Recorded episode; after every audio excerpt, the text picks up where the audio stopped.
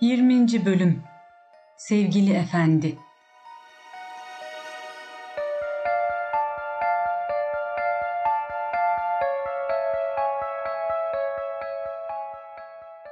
Vidon Scott'ın yaklaştığını görünce beyaz dişin tüyleri kabardı. Efendisinin vereceği cezaya boyun eğmeyeceğini belirtmek istercesine hırlamaya başladı. Efendisinin eli kanamaması için sarıp sarmalanmış, askıya alınmıştı. Elini ısırdığından bu yana 24 saat geçmişti. Eskiden cezaların ertelendiğini görmüşlüğü vardı. İşte şimdi de cezanın geciktirildiğini sanıyordu. Başka türlü ne olabilirdi ki? Sahibini ısırmıştı. Üstelik beyaz biriydi bu.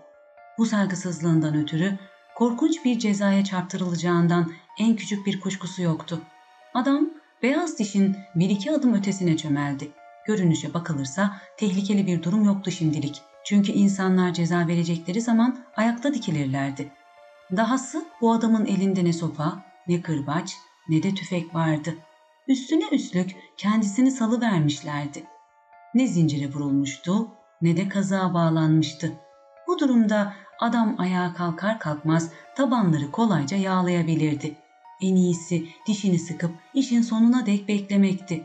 Adam öylece duruyor, hiçbir şey yapmıyordu. Bunun üzerine beyaz dişin hırıltısı boğuklaştı ve giderek kesildi. Adam konuşmaya başladı. Onun sesini işitir işitmez beyaz dişin yelesi kabardı. Hırlamaya koyuldu. Beyaz diş de hırlıyordu. Karşılıklı olarak biri konuştu, öbürü hırladı. Adam sürekli olarak tatlı bir sesle konuşmaya devam etti. O zamana dek hiç kimse beyaz dişe böylesine tatlı bir biçimde seslenmemişti. Bu okşayıcı, tatlı ses yavaş yavaş beyaz dişin içine işliyor, yüreğinde sıcak duygular uyandırıyordu. İçgüdüsünün sürekli uyarılarına karşın ister istemez güven duymaya başladı bu insana karşı.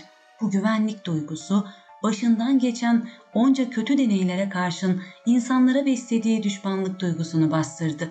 Aradan epey zaman geçtikten sonra adam ayağa kalktı, kulübeye girdi. Az sonra yeniden dışarı çıktığında beyaz diş kaygı ve kuşkuyla ona baktı. Bu kez de elinde ne kırbaç, ne sopa, ne de silah vardı. Sağlam eliyle arkasında bir şeyler de gizlemiyordu. Beyaz dişten az öteye, az önceki yerine gelip oturdu. Beyaz dişe bir parça et uzattı. Hayvan kulaklarını dikti. Uzatılan ete kuşkuyla bir göz attı. Bu arada adamı gözden kaçırmamaya çalışıyor, beklenmedik bir saldırıya karşı koyabilmek için vücudunu yay gibi gerip tetikte bekliyordu. Beklediği ceza epey gecikmişti. Adam burnuna doğru bir et parçası uzatıyor, başka bir şey yapmaya kalkmıyordu. Üstelik bu et hiç de tehlikeli görünmüyordu.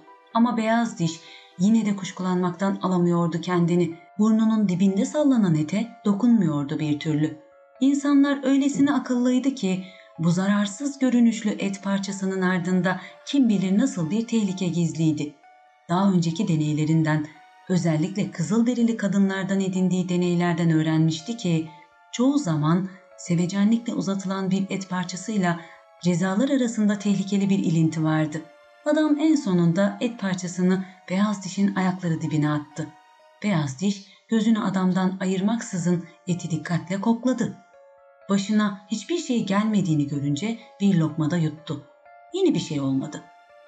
Adam ikinci bir et parçası daha uzattı. Elinden almaya yanaşmayınca adam yine önüne fırlattı eti. Bu olay bir iki kez yinelendi. Derken adam eti hayvanın önüne atmaz oldu. Elinden yedirmek için kararlı bir tavırla öylece bekledi. Etin tadına doyum olmuyordu. Beyaz dişse kıyasıya açtı. Olanca dikkatiyle adım adım yaklaştı kendisine uzanan ele. Adamın elinden yiyecekti eti. Dik dik bakıyor, adamı bir an bile gözden kaçırmıyordu. Kulakları arkaya yatık, yelesi kabarık bir durumda başını öne doğru uzattı. Gırtlağından hafif bir uyarı hırıltısı yükseldi. Eti mideye indirdi. Bu kez de hiçbir şey olmadı. Eti lokma lokma alıştırdığı halde ceza meza görmemişti. Dudaklarını yaladı, beklemeye koyuldu. Adam hala konuşuyordu. Kulağına gelen seste sevecenlik vardı. Şimdiye dek hiç tanımadığı bir takım duygular uyanıyordu beyaz dişin içinde. Garip bir mutluluğa kaptırdı kendini. Sanki ruhunda bir eksiklik tamamlanmış, bir boşluk doldurulmuş gibiydi. Ne var ki birdenbire içgüdüsel bir dürtüyle irkildi. Başından geçen olaylar, eski acı anılar yeniden canlandı gözlerinin önünde. İnsanlar çok akıllıydı. Allem eder, kallem eder, bin bir türlü oyuna başvurup yapacaklarını yaparlardı. Tamam, korktuğu şey başına geliyordu işte. İnsanın can yakıcı eli ileri uzanmış, kafasına doğru iniyordu.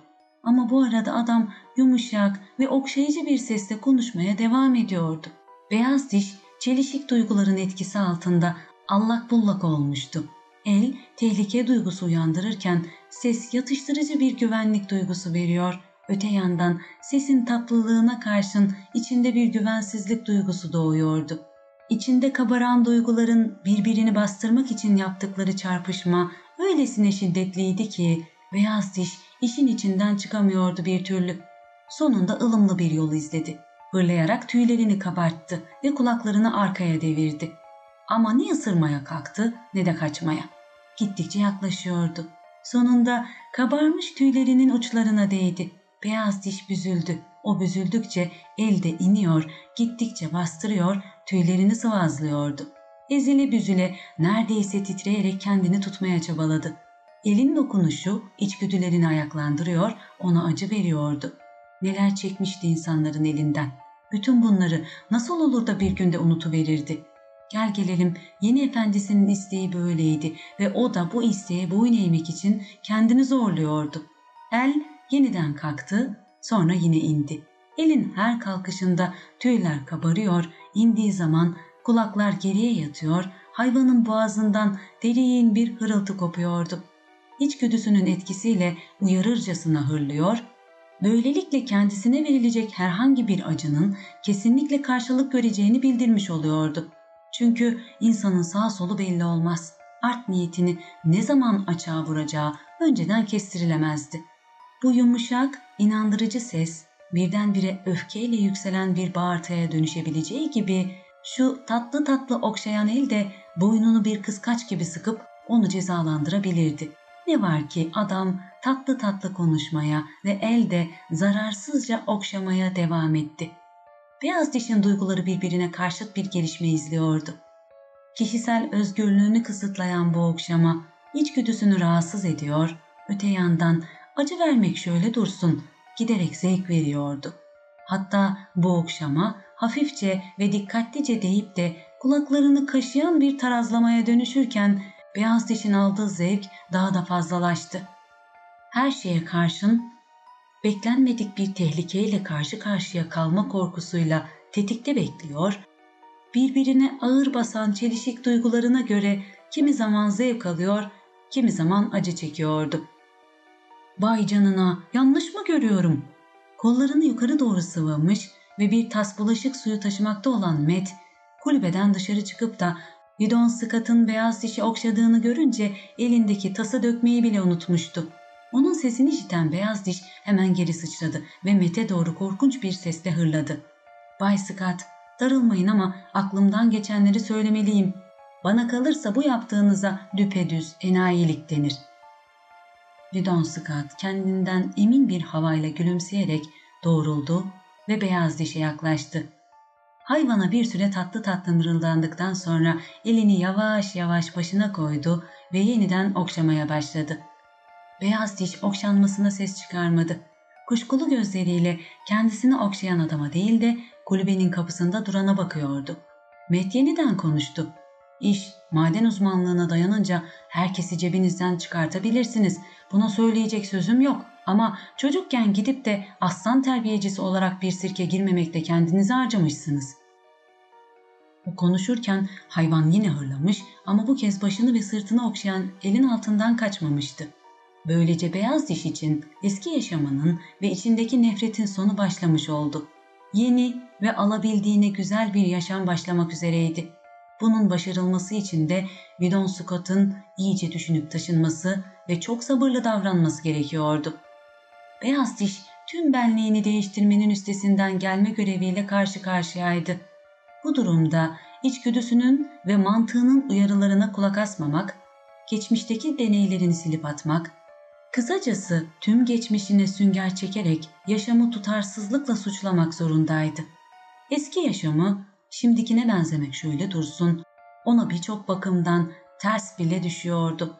Yani yeni yaşamına ayak uydurmaya çalışırken kendi isteğiyle özgürlüğünü tepip ormandan gri kunduzun yanına döndüğü zamankinden çok daha fazla güçlük çekiyordu. O zamanlar küçük bir yavruydu, yumuşaktı, doğru dürüst biçimlenmemişti. Kendisine şekil verecek olan çevre koşullarına teslim olmaya hazırdı. Oysa şimdi durum bambaşkaydı.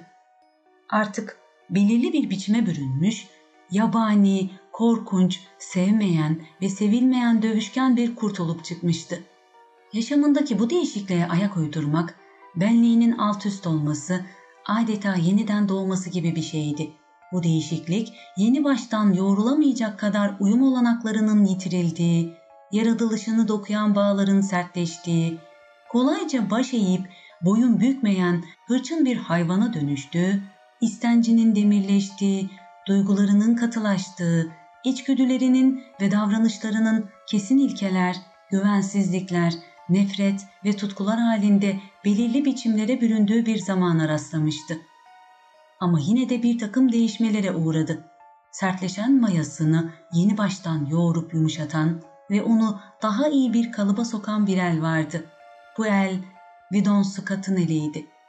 Scott, beyaz dişin benliğinin en derin noktasına inmiş, körelen duygularını uyandırmış, can evine girerek derin bir sevecenlikle okşamıştı onu. Bu sevgi demekti. Eskiden insanlarla olan ilişkilerini hoşlanma duygusu belirliyordu. Oysa şimdi bu duygu yerini sevgiye bırakmıştı. Ne var ki bu sevgi bir gün içinde doğmadı öyle. Önce hoşlanma duygusuyla başladı ve giderek gelişti. Beyaz dişi bağlayan hiçbir şey olmamasına karşın yeni efendisinden hoşlandığı için yine de kaçmaya kalkmıyordu. Yeni yaşamı ne olursa olsun güzel Smith'in kafesinde geçirdiği günlerden çok daha iyiydi. Üstelik nasıl olsa kendisini bir insana teslim etmesi gerekiyordu. Bu onun doğal bir ihtiyacıydı. Sırtını korkuyla ormana dönüp yiyeceği dayağı göze alarak gri kunduzun ayakları dibine uzandığı gün duymuştu. Kendisini bu üstünlüğe teslim etme ihtiyacını. Sonra o uzun kıtlık dönemi son bulup da gri kunduzun kampında balık bollaşınca ormandan ikinci kez kampa dönmüş ve işte o zaman insana bağlanma ihtiyacını çok daha güçlü bir biçimde duymuştu. Böylece beyaz diş onu güzel simite yeğ tuttuğu ve bir efendiye gerek duyduğu için bidon Scott'ın yanında kaldı. Bağlılığını kanıtlamak için efendisinin malını koruyordu. Kızak köpekleri mışıl mışıl uyurlarken o kulübenin çevresinde dolanıp duruyordu. Gece gelen her ziyaretçi Vidon Scott imdadına yetişinceye dek kendini sopasıyla korumak zorunda kalıyordu. Beyaz diş hal ve tavırlarına bakarak hırsızlarla namuslu insanları ayırt etmeyi çabucak öğrendi. Gelenlerin yürüyüşlerine bakıyor, sert adımlarla doğruca kapıya yönelenlere hiç ilişmiyor ama yine de kapı açılıp da efendisi adamı içeri alıncaya dek ziyaretçiyi gözden kaçırmıyordu. Oysa çevresini kollaya kollaya, dolambaçlı yollar izleyerek sinsi sinsi yaklaşan birini gördü mü, hiç düşünmeden saldırıya geçiyordu.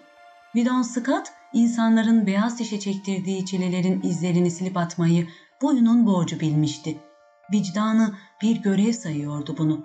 Beyaz dişe tatlılıkla davranıyor, bu dövüşken kurta büyük bir sevgi gösteriyor, onu her gün uzun uzadıya sevip okşuyordu. Beyaz diş önceleri bu okşamalara karşı kuşkucu hatta düşmanca bir tavır takındı. Ama sonraları okşanmaktan hoşlanmaya başladı. Yalnız hırlamaktan kendini alamıyordu bir türlü. Bütün okşama süresince habire hırlayıp duruyordu. Gel gelelim hırıltılarında yepyeni bir hava okunuyordu. Ama bir yabancı hırıltıya yerleşen bu yeni havayı fark edemez, onu korkunç bir vahşet, sinir bozucu, insanın kanını dondurucu bir ses olarak kabul ederdi. Oysa beyaz diş, küçük bir yavruyken mağarada çıkardığı ilk hırıltıdan bu yana öyle çok hırlamış, yıllarca boğazından öyle sert ve öfkeli sesler koparmıştı ki artık gırtlağı nasır bağlamıştı. en tatlı duygularını dile getirmek için bile olsa hırıltısındaki sertliği bir türlü yumuşatamıyordu. Ne var ki Vidal Scott'ın kulağı oldukça duyarlıydı. İçindeki tüm vahşete karşın beyaz dişin hırıltısındaki o tatlı mırıltıyı, o yeni havayı herkesten daha iyi anlıyordu. Beyaz dişteki hoşlanma duygusu günden güne sevgiye dönüşüyordu. Sevginin ne demek olduğunu bilmemesine karşın bu değişikliği kendisi de fark ediyordu. İçinde doldurulması gereken bir boşluk oluşmuştu sanki ve bu boşluk giderilmek istenen bir açlık, acı bir özlem gibi duyuruyordu varlığını. Yeni sahibinin yokluğunda acı ve huzursuzluktan kıvranıyor ancak efendisinin dokunmasıyla rahata kavuşabiliyordu. İşte o zaman sevgisi alabildiğine coşkun bir sevince, sonsuz bir mutluluğa dönüşüyordu. Ama sahibinden uzak düşer düşmez o acı, huzursuzluk yeniden baş gösteriyor, içini kemiren o boşluğa yeniden yuvarlanıyordu. Beyaz diş gerçek benliğine kavuşmak üzereydi. Yılların görmüş geçirmişliğine ve döküldüğü kalıbın katılığına karşın huyu suyu gittikçe değişiyordu. Garip, alışılmadık duygular uç veriyordu içinde. Davranışlarına yön veren kurallar yerle bir oluyordu birer birer. Eskiden rahatına çok düşkündü. Rahatını bozacak şeylerden bucak bucak kaçardı. Tatlı canını sıkacak bir olayla karşılaşmamak için ayağını denk alırdı hep. Oysa şimdi rahatının kaçmasını hiçe sayan bambaşka duygular filizlenmişti içinde. Sahibi için katlanıyordu bunlara. Orada burada dolaşıp karnını doyuracak iyi bir yiyecek bulamayacağı ya da rahat bir köşede yan gelip yatacağı yerde sabahın köründe ayağa fırlıyor, kulübenin basamaklarında sahibinin gelişini bekliyor, bütün bunlara seve seve katlanıyordu. Akşamları sahibi eve döneceği sırada elinin dostça okşayışını duyabilmek, sevgiyle selamlanabilmek için kan uykusundan uyanıyordu sahibiyle birlikte kente inebilmek, onun tarafından okşanabilmek uğruna yiyeceği eti bile yüzüstü bırakıp gidebilirdi. Sonunda hoşlanmanın yerini sevgi almıştı. Ruhunun derinliklerine inerek hoşlanma duygusunun asla giremediği noktaları araştıran bir iskandil gibiydi sevgi. İşte bu sevgi iskandili sayesindedir ki bu derinliklerden yeni bir şey, karşılıklı sevgi doğuyordu. Beyaz diş, o güne dek kendisine verileni şimdi geri veriyordu. En sonunda sevecen, sıcak, pırıl pırıl bir sahibe kavuşmuştu ve sahibinin sevgisi ışığında beyaz dişin karakteri güneş altında açan bir çiçek gibi gelişiyordu. Ne var ki beyaz dişin sevgisinde yaltakçı ve bıktırıcı bir özellik yoktu. Bu duygusunu gösterişli bir biçimde dile getiremeyecek kadar olgun ve ağır başlıydı duygusal gösterilere pek yüz vermiyor, her zamanki gibi kendi kendisiyle haşır neşir olmasını biliyordu. Eskisi gibi asık suratlı ve yalnızdı. Yine kendi kabuğuna çekilmişti. Ömründe hiç havlamadığı için sahibini havlayarak selamlamıyordu. Sırnaşmaya, yaltaklanmaya kalkışmıyor, budalaca sevgi gösterilerinden kaçınıyordu. Efendisini karşılamak için koşmuyordu bile. Her zamanki yerinden hiç ayrılmaz, öylece uzakta beklerdi. Duygularını sahibinin her hareketini izleyen bakışlarıyla belirtirdi. Eğer sahibi ona bakıp da bir şeyler söyleyecek olursa sanki sevgisini dile getirmek istiyormuş da beceremiyormuş gibilerden bir sıkılganlıkla kıvranıp dururdu. Yeni yaşamının gereklerine ayak uydurmayı öğrenmişti artık. Efendisinin köpeklerine ilişmemesi gerektiğini biliyordu şimdi. Bununla birlikte üstünlüğünü öbür köpeklere zorbaca kabul ettirerek zaman zaman vahşi yaratılışını göstermekten de geri kalmadı. Bir iki dayaktan sonra köpekler yola gelmişti. Artık beyaz diş geçerken yolu üzerinden çekiliyor, aralarında dolaşırken kafa tutmaya, peşine takılmaya kalkmıyor, üstünlüğüne boyun eğiyorlardı. Gel zaman git zaman Met de efendisine ait olduğunu öğrendi ve ona daha iyi davranır oldu. Efendisi onu ancak arada sırada doyururdu. Ona yemek vermek Met'in işiydi. Ne var ki beyaz diş yediği yemeğin sahibi sayesinde verildiğini, Met'in bir emir kulu olduğunu anlıyordu. Bir gün Met onu da öbür köpeklerle birlikte kıza koşmak isteyince baş kaldırdı. Bunun üzerine Vidon Scott onu kendi eliyle kıza koştu. İşte o zaman öbür köpeklerle birlikte kızak çekme işinin Met'in başı altından çıkmadığını, bunun efendisinin isteği olduğunu anladı. Klondike kızakları Mackenzie'dekilerden farklıydı. Ayaklı olan bu kızaklara köpekler de daha değişik bir biçimde koşuluyordu. Yelpaze biçiminde değildi bu koşumlar. Köpekler birbirleri ardından tek sıra halinde gidiyor ve çift kayışla çekiliyordu. Burada önce olan köpek gerçekten önder durumundaydı ve akıllı olduğu kadar güçlü olmak zorundaydı. Sürünün ona boyun eğmesi ve korkması gerekiyordu. Sürüdeki diğer köpekler arasında böyle bir yeri de alsa alsa beyaz diş alırdı. Başlangıçta Metin pek aklı yatmamıştı buna. Kendisini uğraştırdığı için kızıp köpürmüştü beyaz dişe ama zamanla beyaz dişin daha alt düzeyde bir görevle yetinemeyeceğini o da onaylamak zorunda kalmıştı. Beyaz diş kendiliğinden bu yeri kapmış ve Matt de bu oldu bittinin sonuçlarını gördükten sonra verdiği kararın nedenli yerinde olduğunu anlamıştı. Artık gün boyunca kızak çektiği halde geceleri efendisinin malına bekçilik etmekten geri durmuyordu. Her zaman görev başında, her zaman tetikte ve sadık olan beyaz diş tüm öbür köpeklere oranla en çok işe yarayan hayvan oldu. Bir gün Matt dedi ki, eğer düşüncemi belirtmeme izin verirseniz bu köpeği böylesine ucuza kapatmakla akıllılık ettiğinizi söylemek isterim. Üstüne üstlük güzel Smith'in suratına bir de yumruk patlattıktan sonra bu sözüm için kusuruma bakmayın ama onu düpedüz kazıkladınız desem yalan olmaz. Bidon Scott o günü anımsayınca gözlerinden şimşekler çakarak canavar herif diye homurdandı. İlkbaharın sonlarına doğru beyaz dişi üzüntüye boğan bir olay oldu. Efendisi durup dururken ortadan yok vermişti. Gerçi daha önceden efendisinin kayıplara karışacağını belirten bir takım olaylar olmuştu ama beyaz diş bunu anlayamamıştı. Bir çantanın hazırlanmasının ne demek olduğunu bilmiyordu. Neden sonra efendisi itip gitmezden önce böyle bir çantanın hazırlandığını anımsadı ama o zaman buna bir anlam verememişti işte. O gece efendisinin dönüşünü boşu boşuna bekledi durdu. Gece yarısı çıkan Ayaz onu kulübenin arkasında korunaklı bir yere sığınmak zorunda bıraktı.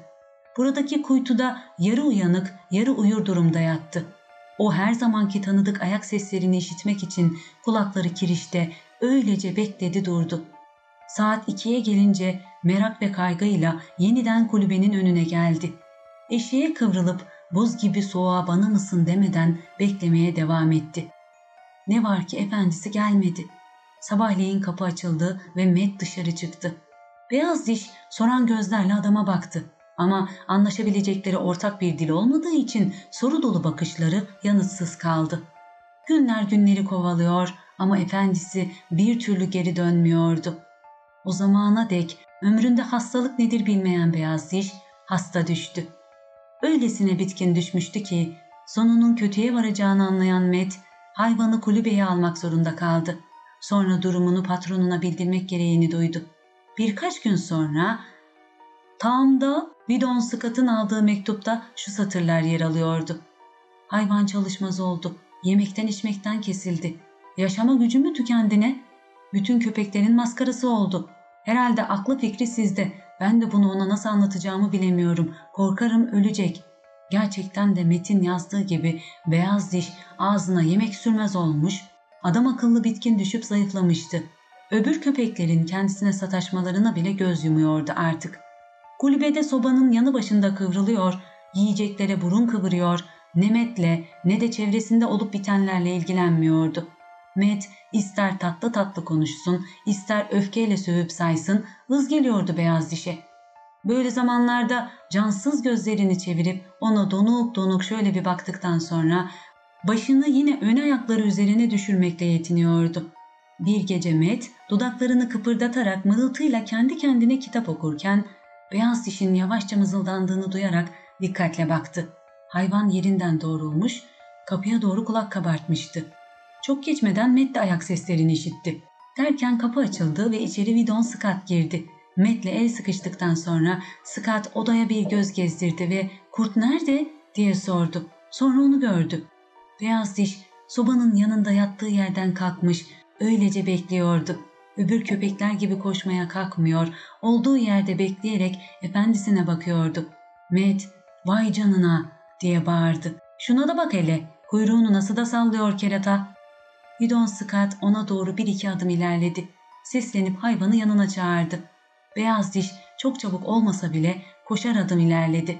Davranışları sıkılganca ve beceriksizceydi. Gözlerinde garip mi garip bir hava belirmişti. İçinde beliren sıcak duyguların parıltıları gözlerine yansır gibiydi. Matt, siz burada yokken bana bir kez olsun böyle bakmadı, dedi. Ama Bidon Scott öylesine kendisinden geçmişti ki bu sözleri işitmemişti bile.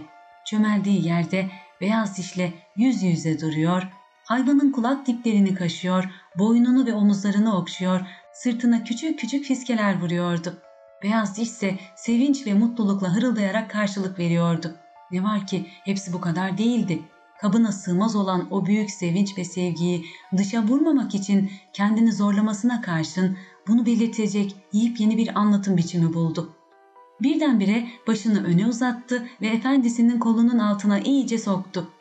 Bu durumda yalnızca kulakları görülebiliyordu. İşte o zaman iki adam bakıştılar. Scott'ın gözleri dolu dolu olmuştu. Matt afallamış bir havayla aşk olsun doğrusu dedi hayran hayran. Sonra şaşkınlığından bir parça kurtulur gibi olunca ekledi. Bu kurt aslında bir köpek dememiş miydim ben size? Sevgili efendisine kavuştuğu andan başlayarak beyaz diş kısa zamanda iyileşti. Kulübede iki gece ve bir gün daha kaldı. Sonra dışarı çıktı. Kızak köpekleri onun nedenli gözü pek bir hayvan olduğunu unutmuşlardı. Son günlerdeki zayıflığı ve hastalığı yüzünden onu hala kolay yutulur bir lokma sanıyorlardı. İşte bu nedenle kulübeden dışarı çıktığını görür görmez hep birlikte üzerine saldırdılar. Bu sırada kapıda durup olan biteni neşeyle izleyen Met, ''Şimdi kopacak dananın kuyruğu'' diye mırıldandı. ''Göster kendini kurt, haydi anlasınlar bakalım dünyanın kaç bucak olduğunu.'' Ama beyaz diş için böylesi bir kışkırtma gereksizdi. Efendisinin dönüşü gücüne güç katmış, yaşama sıkı sıkıya sarılmasına yetmişti. Yine ele avuca sığmaz, gözü kara bir hayvan olup çıkmıştı. İçinde kabaran duygularını anlatmanın tek yolu olarak gördüğü için dövüşmek isteğiyle yanıp tutuşuyordu. Bu kavganın ancak biricik kaçınılmaz sonucu olabilirdi ve nitekim öyle de oldu. Köpek sürüsü ağır bir yenilgiye uğradı ve çil yavrusu gibi dağıldı. Ancak ortalık karardıktan sonra birer birer geri geldiler. Süt dökmüş geriye dönmüşlerdi şimdi. Beyaz dişin karşısında boyun eğerek ondan aman dilediler. Beyaz diş kafasını efendisinin koltuk altına sokmayı öğrendikten sonra sık sık yapmaya başladı bunu. Böyle yapmakla efendisine verebileceğinin en çoğunu verdiğine inanıyordu. Oldu olası üzerine en çok titrediği, kıskançlıkla esirgediği yeri başıydı. Başına dokunulmasına hiçbir zaman göz yummamıştı. Başına dokunulduğu zaman çılgınca karşı koymasının nedeni içindeki vahşet, kapana kısılmak ve zarar görmek korkusuydu. İçgüdüsü başına dokunulmasına göz yummamasını fısıldıyordu ona. Oysa şimdi kafasını efendisinin koltuk altına sokmakla çaresizliği ve güçsüzlüğü bile bile kabullenmiş oluyordu. Böyle yapmakla efendisine nedenli güvendiğini, kendini ona tam anlamıyla teslim ettiğini gösteriyor. Böylece ona kendimi senin ellerine bıraktım, etim de senin, kemiğim de demek istiyordu sanki. Scott'ın geri dönüşünün üzerinden kısa bir süre geçmişti. Bir akşam Matt'le birlikte ıskambil oynuyordu. Matt bir ara elini saydığı bir sırada iki adam acı bir çığlık ve arkasından öfkeli bir hırıltı işiterek irkildiler. Bir an bakıştılar ve sonra ayağa fırladılar. Matt, galiba kurt birisini enseledi dedi. Tam bu sırada dehşet dolu keskin bir çığlık daha kopunca yel yeperek koştular. Scott dışarı fırlarken lambayı getir diye bağırdı. Matt elinde lambayla onun ardı sıra koştu. Karların üzerine sırt üstü yatmış bir adam gördüler. Adam beyaz dişin dişlerinden sakınmak için suratını ve gırtlağını kollarıyla kapatmaya çalışıyordu. Gerçekten de böyle yapmak zorundaydı. Çünkü beyaz diş öfke içinde sürekli olarak adamın boğazındaki alıcı noktayı kapmaya çalışıyordu. Adam kan revan içinde kalmıştı. Kolları yara bere içindeydi. Ceketinin kolu, mavi gömleği, çamaşırları lime lime olmuştu. İki adam aynı anda görmüşlerdi bütün bunları. Bidon Scott beyaz dişi gırtlağından tutup hemen geri çekti. Beyaz diş hırlayıp ayak diredi ama ısırmaya kalkmadı. Efendisinin sertçe azarlaması üzerine hemen yatıştı. Matt adamı yerden kaldırdı. Adam doğrulukla kollarını aşağı indirdiği zaman güzel Smith'in ecüş bücüş suratı ortaya çıktı. Matt onun kim olduğunu anlar anlamaz sanki ateşe değdirmişçesine elini hemen geri çekti. Lambanın ışığından gözleri kamaşan güzel Smith gözlerini kırpıştıra kırpıştıra çevresine baktı. Gözleri beyaz dişe ilişince suratı korkuyla allak bullak oldu. Bu sırada Matt karların üzerinde bir şeylerin durduğunu gördü. Lambayı oraya tutarak bunların ne olduğunu anlamak için ayağıyla yokladı. Çelik bir zincirle kalın bir sopaydı bunlar. Gidon Scott bunları görünce kafasını salladı. Hiç sesini çıkarmadı. Matt elini güzel Smith'in omzuna koydu. Geri çevirip iteledi. Bunun ne anlama geldiğini anlayan güzel Smith hemen tabanları yağladı. Bu sırada efendisi beyaz dişi okşuyor, tatlı tatlı konuşuyordu. Demek seni çalmaya kalkıştı ha? Ve sen de buna göz yummadın öyle mi? Baltayı nasıl da taşa vurdu kerata değil mi? Met kıkır kıkır güldü. Herifçioğlu neye uğradığını anlayamamıştır. Beyaz diş hala kabına sığamaz durumdaydı. Tüylerini kabartmış, hırlayıp duruyordu. Havaya dikilen tüylerini yavaş yavaş yatırdı. Hırıltısındaki o dokunaklı sevgi havası derinden derine yeniden belirdi.